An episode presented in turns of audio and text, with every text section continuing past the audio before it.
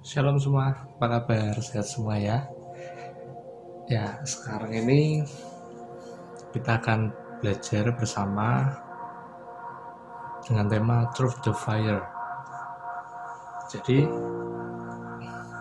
temanya ini cukup menarik, di mana uh, di tengah banyaknya pandemi ini, kita masihkah kita punya api Nah, sebelumnya kita mau siapkan smartphone. Mari siapkan smartphonemu. Ya, pasti kan semuanya punya smartphone nih. Atau yang pakai laptop bisa disiapkan smartphone-nya juga. Nah, kita mau belajar apa itu through the fire. Kalau secara hurufiah, through the fire itu melewati api Nah, bagaimana melewati api itu? Pertama kita mau lihat nih, smartphone nih buka smartphone. Smartphone kita mau buka fire, api. Ya, contoh ya. Buka api, kelihatan nggak nih? Api. Aduh, semoga enggak. Nih, api. Kita masuk kolom berita aja di Google kan ada yang gambar, video, belanja, masuklah ke berita. Kurang lebih setiap hari, setiap jam, hampir setiap jam banyak diberitakan mengenai api. Atau lebih identik api itu dengan adanya sebuah bahaya. Api digambarkan banyak masyarakat tentang sebuah adanya bahaya. Bahaya kebakaran nah. Nah kebakaran itu sumbernya dari api. Nah api bisa terbentuk bukan hanya uh, bukan dengan sendirinya. Api itu bisa berkobar membakar sebuah rumah sebuah pohon pasti dengan adanya sumber uh, mungkin bisa bahan bakar mungkin dari sumber kertas dan mungkin api itu bisa gede dengan sendirinya. Dia butuh sumber. Jadilah api. Lalu ada media yang membuat dia semakin besar. Lalu Contoh yang lain adalah fungsi api ini yaitu ada pada sepeda motor. Sepeda motor butuh bahan bakar bensin untuk menghasilkan api. Nah, dari api itu sepeda motor bisa nyala, bisa jalan melalui sebuah api ledakan. Selain itu ada juga kompor. Kompor butuh gas, bahan bakar gas dia jadi api, kompor itu bisa hidup digunakan untuk memasak. Lalu kalau dalam Alkitab, sesuatu yang butuh api adalah mesbah bakaran. Di perjanjian lama, eh, orang Yahudi, orang Israel memberikan persembahan berupa korban bakaran. Nah, mereka juga butuh api untuk membakar korban bakaran itu. Nah, di sini kita coba hubungkan dengan firman Tuhan, dengan apa yang Tuhan inginkan api itu di hidup kita. Dari gambaran itu di atas tadi, uh, saya mau tanya sama adik-adik, kita ini sebagai bahan bakar, sebagai api atau sebagai media? Antara tiga itu. Kalian itu bahan bakar apinya atau medianya?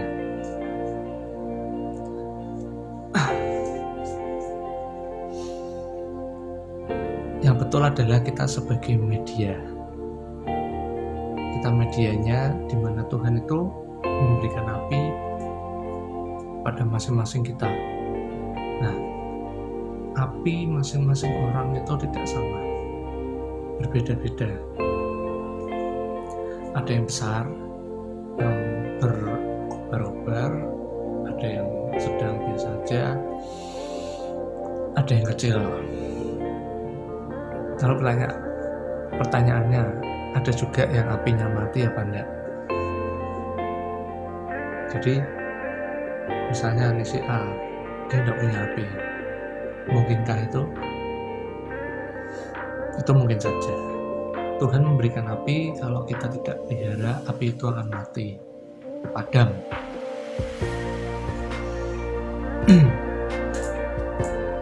Nah uh, contohnya nih kalau uh, api itu berkobar-kobar besar dalam kehidupan kita ya Tuhan Tuhan memberikan kita api kita pelihara api itu jadi besar. Contohnya adalah kayak orang pacaran. Nah yang sudah pacaran kalian yang muda ini masih pacaran pasti hmm, pengennya ketemu terus. Barusan pulang udah WA lagi barusan sampai rumah ngantar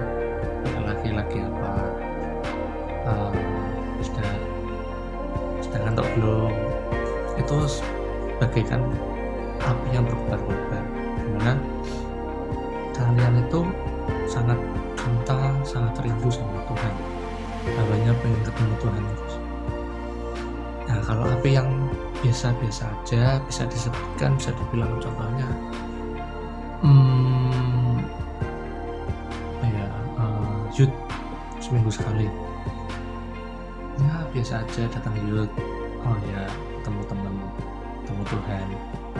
Jadi hal yang rutinitas atau api yang biasa-biasa aja. Kecil sudah bisa kalau api kecil sudah bisa menjabarkanlah seperti apa. Nah gimana kalau apinya mati? Contohnya gimana?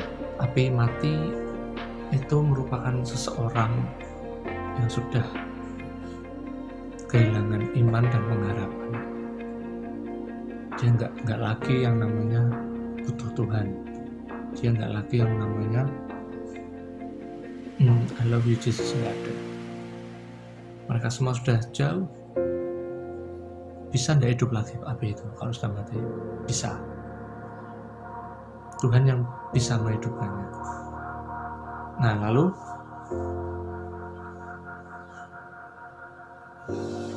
kenapa Tuhan memberi kita api ada yang bisa jawab? Kenapa Tuhan memberi kita api nah sebelum kita menjawab itu kita mau belajar dulu nih menurut Alkitab. Secara Alkitab apa itu api bagi umat Tuhan? Nah boleh buka smartphone atau Alkitabnya. Kita mau lihat di perjanjian lama ya perjanjian lama dulu apa itu api uh, di Ibrani. Eh keluaran keluaran dulu. Keluaran 19 Kita buka Keluaran 19 ayat 18 Nah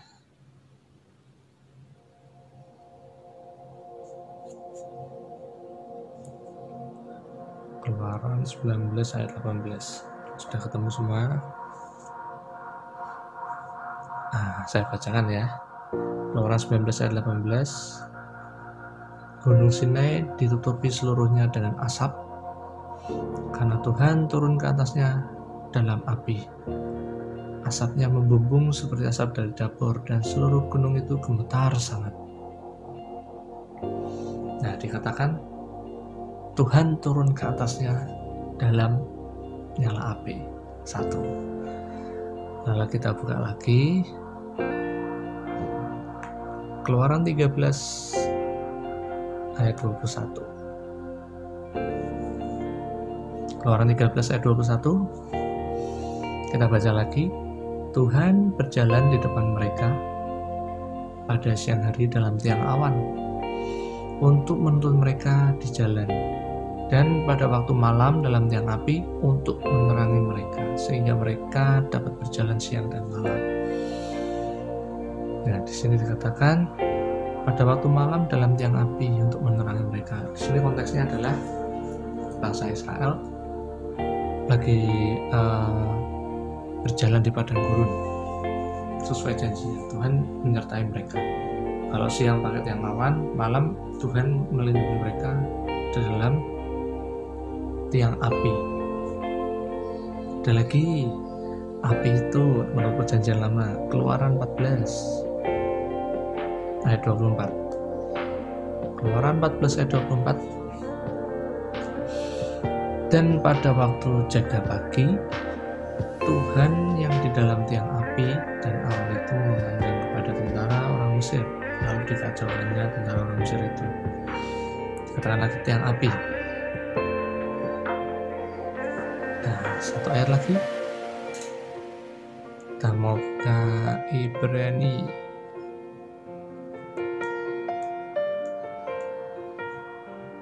Hmm nanti aja ini aja dulu. Di perjanjian lama dikatakan Tuhan menyertai orang Israel dalam wujud tiang api. Berarti uh, apa itu api? Itu perjanjian lama perjanjian baru kita buka kisah Rasul. Kisah Rasul 2 ayat 3 sampai 4 kisah Rasul 2 ayat 3 sampai 4 saya bacakan. Dan tampaklah kepada mereka lidah-lidah seperti nyala api yang bertebaran dan hinggap pada masing-masing. Maka penulah mereka dengan roh kudus Lalu mereka mulai berkata-kata dalam bahasa-bahasa lain seperti yang diberikan oleh roh itu kepada mereka untuk mengatakannya. Dikatakan seperti lidah-lidah yang menyala nyala api. Itu adalah roh kudus. Jadi secara Alkitab api ialah roh Allah sendiri, yaitu roh kudus. Di perjanjian lama Allah menyertai orang Israel di padang gurun dalam wujud api. Perjanjian baru, Tuhan memberikan api itu kepada murid-muridnya sebagai pengganti Tuhan Yesus. Dunia Yesus naik surga, dia mengutus roh kudus. Dipenuhilah murid-muridnya dengan nyala api. Jadi sudah pada paham, api itu adalah roh Allah itu sendiri. Nah, Berarti Tuhan itu sudah menempatkan masing-masing di dalam hati kita roh kudus atau roh Allah itu. Dan itu yang harus kita jaga. Kalau kita tidak jaga roh kudus kita berbuat dosa hidup tidak kudus najis otomatis api itu akan mati. Roh kudus akan pergi meninggalkan kita.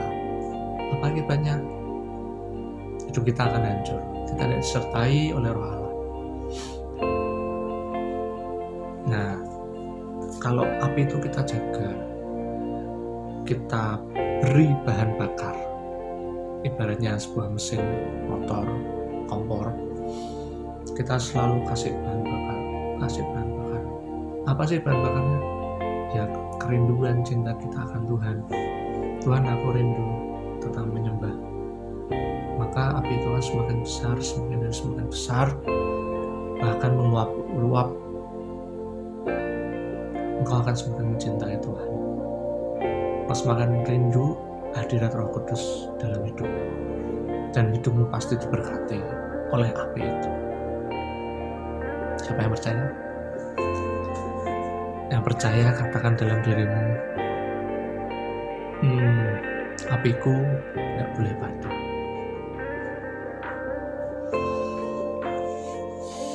Sudah paham ya? Apa itu api? Api adalah roh Allah atau roh kudus. Nah kenapa Tuhan memberi kita api kenapa Tuhan memberi kita roh kudus? Berarti kalau tidak ada api di kita tidak ada roh kudus di dalam kita. Nah kenapa Tuhan memberi api? Di Matius dikatakan Tuhan Yesus berkata tepatnya di oh Yohanes Yohanes ya kita mau buka ya Yohanes sebentar Yohanes 14 Yohanes 14 ayat 16 dan 17 kenapa Tuhan memberikan kita api atau roh kudus? Aku akan meminta kepada Bapa dan ia akan memberikan kepadamu seorang penolong yang lain supaya ia menyertai kamu selama-lamanya. Yaitu roh kebenaran. Dunia tidak dapat menerima dia. Sebab dunia tidak melihat dia. Dan tidak mengenal dia. Tetapi kamu mengenal dia. Sebab ia menyertai kamu dan akan diam di dalam kamu. Jadi roh kudus atau roh Allah itu merupakan roh yang diutus Tuhan. Penolong yang lain dia akan menyertai kita selama-lamanya. Dan akan diam. Dikatakan ayat 17 akan diam di dalam kamu. Nah ini sebuah hal yang luar biasa. Tuhan memberikan rohnya untuk diam di dalam kita. Sehingga kita menjadi serupa dengan Bapa kita. Uh, sungguh luar biasa kalau kita tuh serupa dengan Tuhan bahkan sebenarnya kita tidak layak serupa dengan Tuhan tapi Tuhan yang melayakkan kita melalui kematian di selalu salib. Nah jadi teman-teman kalau sekarang kalian sendiri yang bisa menilai uh, seberapa besar api kalian masing-masing? Apakah itu mulai redup kecil sedang atau api kalian besar kalian yang bisa menilai. Seberapa kalian uh, seberapa besar cinta kalian sama Tuhan seberapa rindu itulah apimu. Jangan biarkan itu padam karena tinggal di dalam api Tuhan itu merupakan sebuah hal yang indah. Kalau kalian sudah merasakan jamahan hadirat Tuhan uh, rasanya tuh amazing. Rasanya kalian mendapatkan sukacita rasanya mendapatkan damai sejahtera yang luar biasa. Kalau tidak percaya, cobalah. Jadi, sekali lagi, masing-masing kita punya api yang berbeda-beda. Ada yang besar, ada yang kecil. Bahkan mungkin ada apinya sudah mati. Api itu adalah roh Allah, roh kudus yang tinggal di dalam kita. Jangan sampai roh kudus uh, hilang dari hidup kita. Dan hidup kita pasti pasti kacau. Kalau sekarang kalian boleh bilang hmm, nggak mungkin aku punya segalanya. Papa mamaku uangnya banyak. Mau minta mobil dikasih minta handphone yang paling mahal dikasih. Jangan salah. Kalau roh kudus sudah lari dari hidupmu apa pun kuasa jahat iblis itu gampang sekali menggoyahkan kamu. Terutama menggoyahkan imanmu. Banyak sekali teman-teman angkatan saya yang dulunya apinya berkobar-kobar sekarang mereka sudah padam sudah kehilangan iman dan pengharapan juga mereka yang lari dari Tuhan. Hidupnya kacau hancur keluarganya berantakan.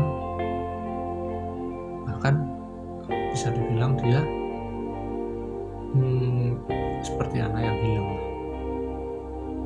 Nah kita kan tidak mau kita jaga baik-baik itu api. Semakin hari semakin kita itu mencintai Tuhan maka hidupmu pasti diberkati lalu sebagai manusia orang hidup kita pasti menghadapi yang namanya masalah. Tuhan pasti izinkan kita menghadapi sebuah api permasalahan. Mungkin hidup kita tuh lurus kayak jalan nah kita mau googling lagi. Lewat HP nih. Permasalahan generasi milenial. Coba search Google. Permasalahan generasi milenial. Saya katakan kalian ini generasi milenial. Bukan generasi ya generasi apa ya namanya? Siti Nurbaya bukan. Sekarang ini namanya generasi milenial nah banyak di Google langsung tertera berbagai macam permasalahan generasi milenial. Wah tidak kelihatan ya saya sekali. Kurang bagus namanya kita klik salah satu apa aja deh? Pasti disebut ada. Hmm.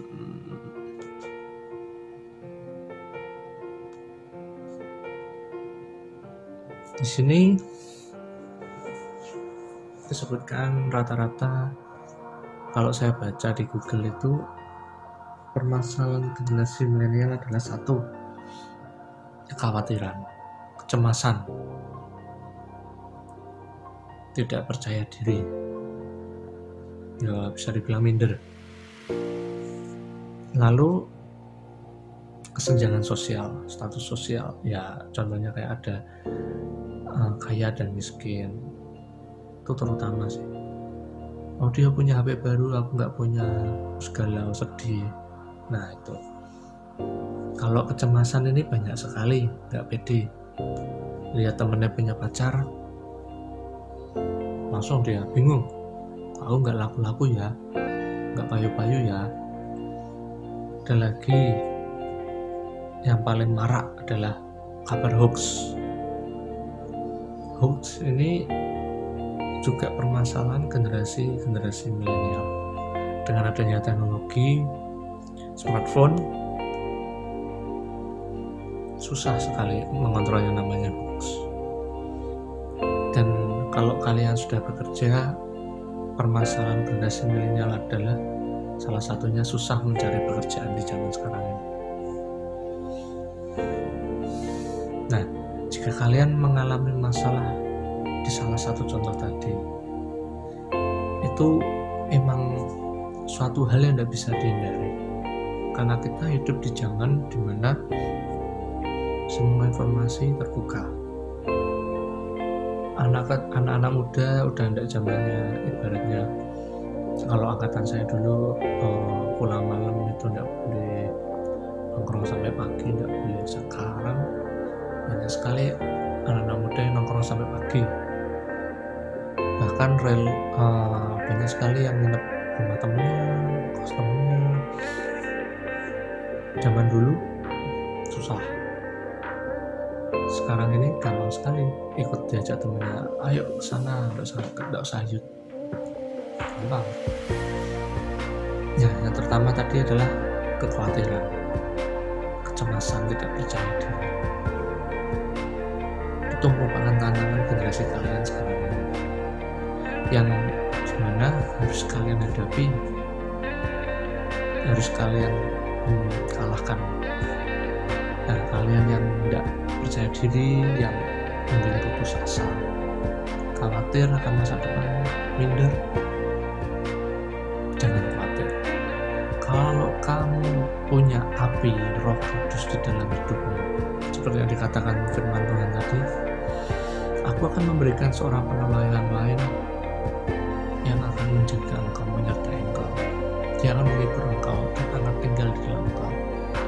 selama roh kudus di dalam kita semua pasti bisa kita hadapi. Kalian susah nyari kerja pasti dapat pekerjaan. Yang tidak percaya diri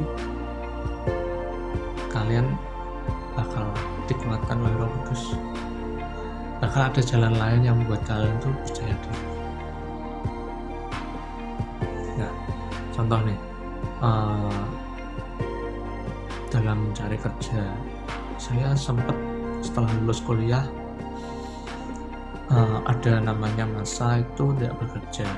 Setelah lebih enam bulan lah saya nganggur. Sering saya bergumul sama Tuhan Tuhan aku tuh pengen kerja. Di mana bener-bener hasil kerja kerasku hasil sekolahku itu membuahkan hasil jadi sekolah dari SD sampai kuliah. Aku tuh pengennya dapat penghasilan yang luar biasa. Tidak mau yang biasa-biasa saja. Ya awalnya dapatlah bekerja hasilnya tidak banyak kecil. Tapi di situ mulailah saya dibentuk untuk menerima. Udah jalani dulu nanti aku memberikan hal yang lain nggak lama di situ ada panggilan pekerjaan lagi. Mulai saya berpindah tempat. Di situ saya dibentuk Tuhan. Ya saya bersyukur bisa bekerja di mana banyak orang yang di luar sana susah mencari pekerjaan.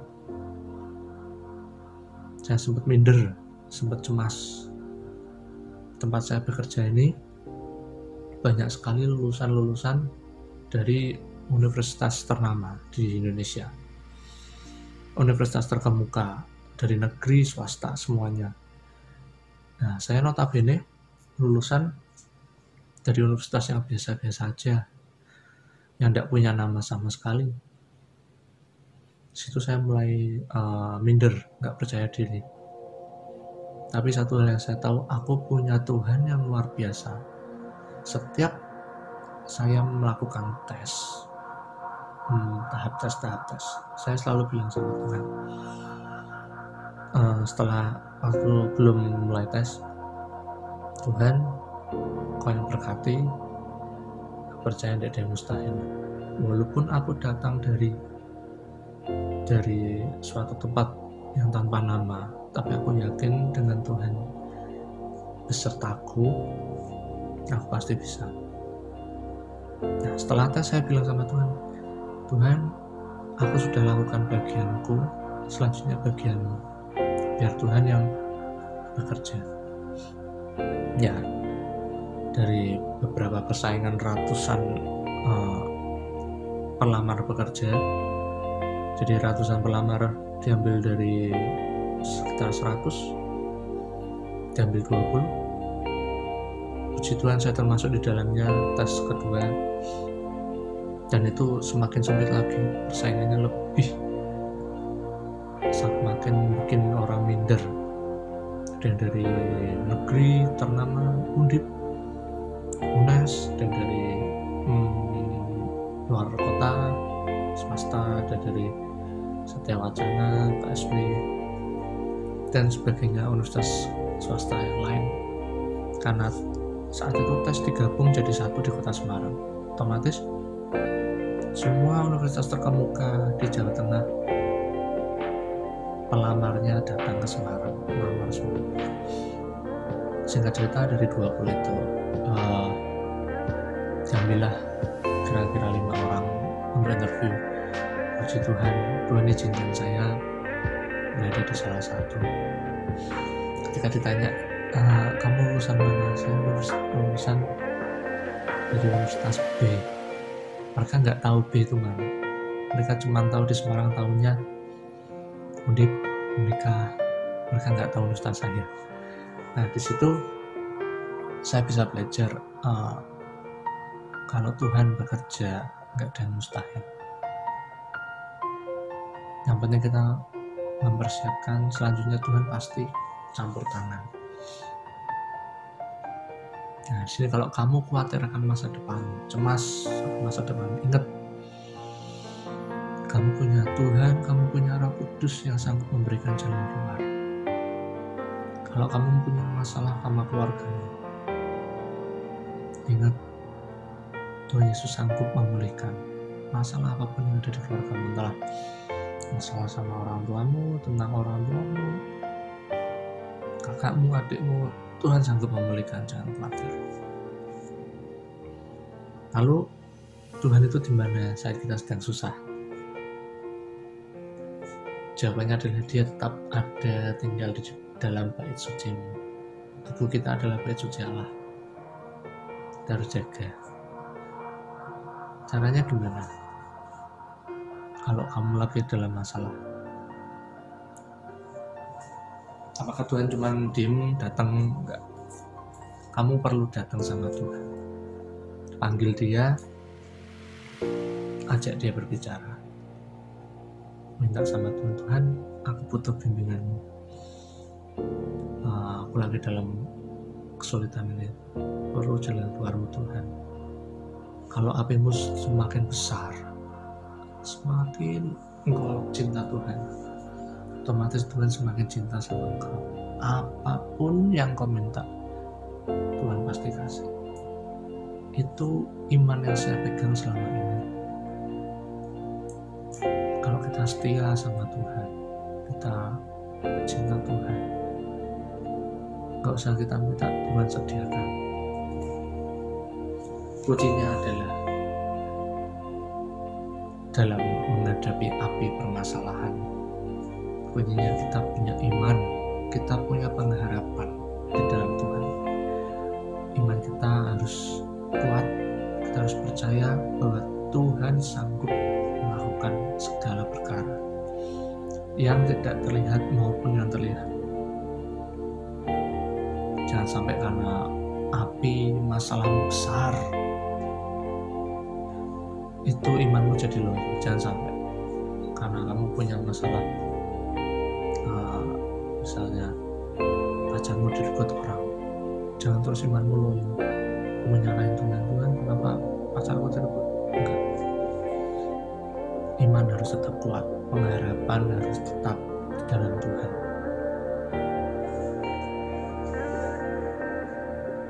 gampang gak sih beriman sama berharap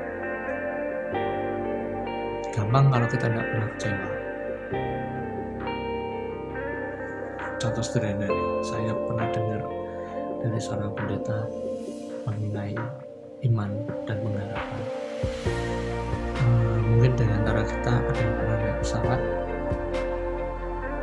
Di sini yang naik pesawat saya tanya adakah kalian yang mengenal tahu nama pilotnya kalau tahu hebat pasti di antara kalian tidak ada yang tahu nama pilotnya. Kecuali di saat penerbangan pilot memperkenalkan diri. Dengan penerbangan sekian sekian pesawat ini saya selaku pilot dan kopilot. Dan itu pun saat di, uh, pendeta itu cerita dia tanya sama sebenarnya tadi nama pilotnya siapa? Nggak tahu padahal barusan aja berapa detik disebutin alasannya kenapa?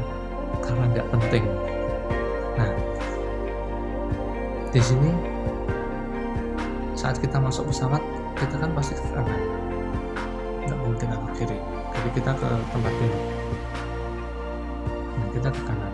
Kita di belakangnya pilot di saat kita memutuskan kita masuk pesawat belok kanan kita sudah membuat keputusan pasrah terserah pilot mau membawa kita ke mana. Kalau pilot membawa kita melewati jalur kita tidak tahu. Pilot membawa kita uh, ke negara lain kita tidak tahu. Bahkan kita percaya sama pilot itu padahal kita tidak tahu namanya. Kan luar biasa. Kita tidak kenal kita percaya sama orang yang kita kenal membawa nyawa kita nah singkat cerita pendeta ini berkata sama halnya kalian itu naik pesawat sama dengan kalian naik peti mati terbang. Kak saya pernah berpikir betul juga ya naik peti mati terbang sama dengan kalau kita harus jatuh mati ya udah itu peti matinya kita siap. Nah itulah bedanya sama orang Kristen. Seringkali kita sudah tahu Tuhan kita sudah tahu Allah kita iman kita kita sudah tahu. Tapi kita masih tidak percaya, kita masih tidak punya pengharapan akan Tuhan. Nah, mari teman-teman kita mau belajar, kita mau punya iman, pengharapan pada Tuhan, kita mau setia pada Tuhan, jaga apimu selalu berkobar, jaga cintamu dengan Tuhan, sehingga Tuhan mau dan selalu berkenan akan hidupmu. Biar perkenanan Tuhan itu selalu ada di kita, Tuhan akan selalu menolong engkau. Apa pun yang kau minta, Tuhan pasti berikan. Jadi, poinnya adalah api itu roh Allah sendiri, dia roh kudus yang tinggal di dalam hidupmu, menuntun engkau, dan engkau harus jaga api itu. Semakin besar, semakin engkau cinta Tuhan, semakin Tuhan cinta engkau. Dan dalam masalahmu, kalau engkau bersama roh kudus, semua akan mudah teratasi. Ditambah dengan kau punya iman dan pengharapan, Tuhan akan semakin berkenan padamu. Ya, sekian. Amin. Kita mau datang sama Tuhan. Kita berdoa. Tuhan Allah Bapa kami yang bertata kerajaan surga. Terima kasih Tuhan. Kalau saat Tuhan kami anak-anakmu Tuhan. Kami bersyukur Engkau memberikan kami roh kudus yang senantiasa tinggal di hati kami yang melindungi kami, menjaga kami. Mari Bapa, Roh Kudus, Kau yang selalu ingatkan kami, selalu tinggal di hati kami. Janganlah Engkau pergi Tuhan. Jaga hidup kami Tuhan. Kami yang mulai cemas, kami yang putus asa Tuhan. Kau yang memberikan petunjuk, berikan kekuatan, penghiburan, kami yang sakit dan berikan pemulihan Tuhan. Biarlah kami boleh berserah, menaruh iman dan pengharapan kami Tuhan. Biarlah semua anak-anakmu, generasi milenial Tuhan, boleh menjadi generasi yang berbuah, generasi yang mempunyai iman dan pengharapan yang hebat. Terima kasih Bapak, berkati setiap kami Tuhan yang mendengarkan firman ini Tuhan. Biarlah tuntun selalu hidup kami Tuhan, jalan hidup kami Tuhan. Berkati juga kedua orang tua kami Tuhan, menjaga setiap mereka, jagai api mereka Tuhan. Biarlah api yang ada di hidup kami, di keluarga kami, boleh senantiasa berkobar, senantiasa makin hari kami makin mengasihi Engkau Tuhan, makin setia kepada Engkau. Terima kasih Bapa, hanya dalam nama Tuhan Yesus kami berdoa mengucap syukur. Amin. God bless you. Terima kasih.